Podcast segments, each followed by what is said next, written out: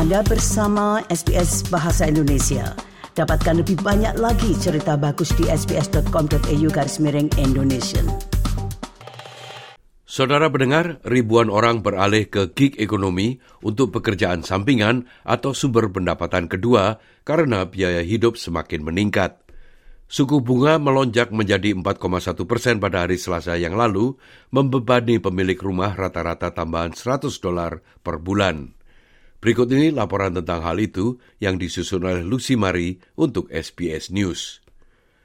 Dari berkebun hingga mengecat dan membersihkan rumah, jumlah orang Australia yang mengambil pekerjaan semakin meroket. Tim Fung, CEO dari Airtasker, platform yang menghubungkan orang-orang dengan pekerjaan kasual, mengatakan ia melihat peningkatan 85 persen bagi orang yang mencari pekerjaan dari tahun ke tahun. The number of active taskers on our platform is at absolute record levels. Layanan pengiriman makanan Menulog telah mencatat lonjakan 27 persen dari aplikasi kurir dalam 12 bulan terakhir ini. Dalam periode waktu yang sama, suku bunga telah naik belasan kali. Ketegangan terbukti karena ekonomi tumbuh hanya 0,2 persen untuk kuartal bulan Maret. Bendara Federal Jim Chalmers menjelaskan. The rise in interest rates is clearly biting. We see that in the numbers because households are pulling back on spending, they're saving less, and they're paying more in interest. Gubernur Reserve Bank mempertahankan keputusannya untuk menaikkan suku bunga lagi.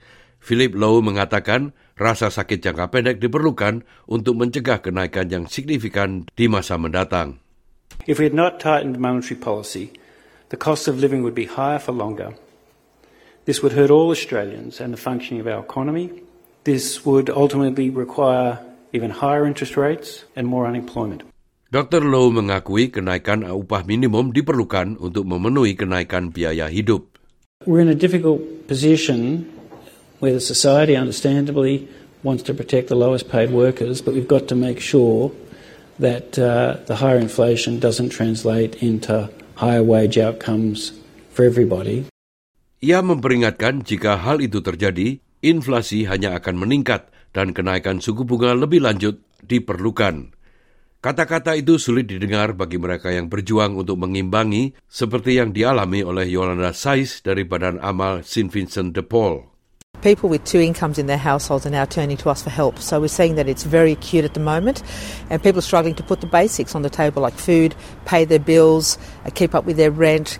Meskipun lebih sulit bagi mereka yang memiliki hipotek, suku bunga yang lebih tinggi akan memberikan dorongan bagi pensiunan yang memiliki uang di bank. Kenaikan suku bunga baru-baru ini menambah hampir 100 dolar untuk pembayaran bulanan rata-rata bagi hipotek sebesar 600 ribu dolar.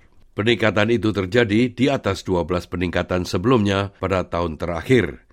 Mengambil pekerjaan sampingan mungkin hanya solusi tambalan karena suku bunga cenderung tetap tinggi selama beberapa tahun.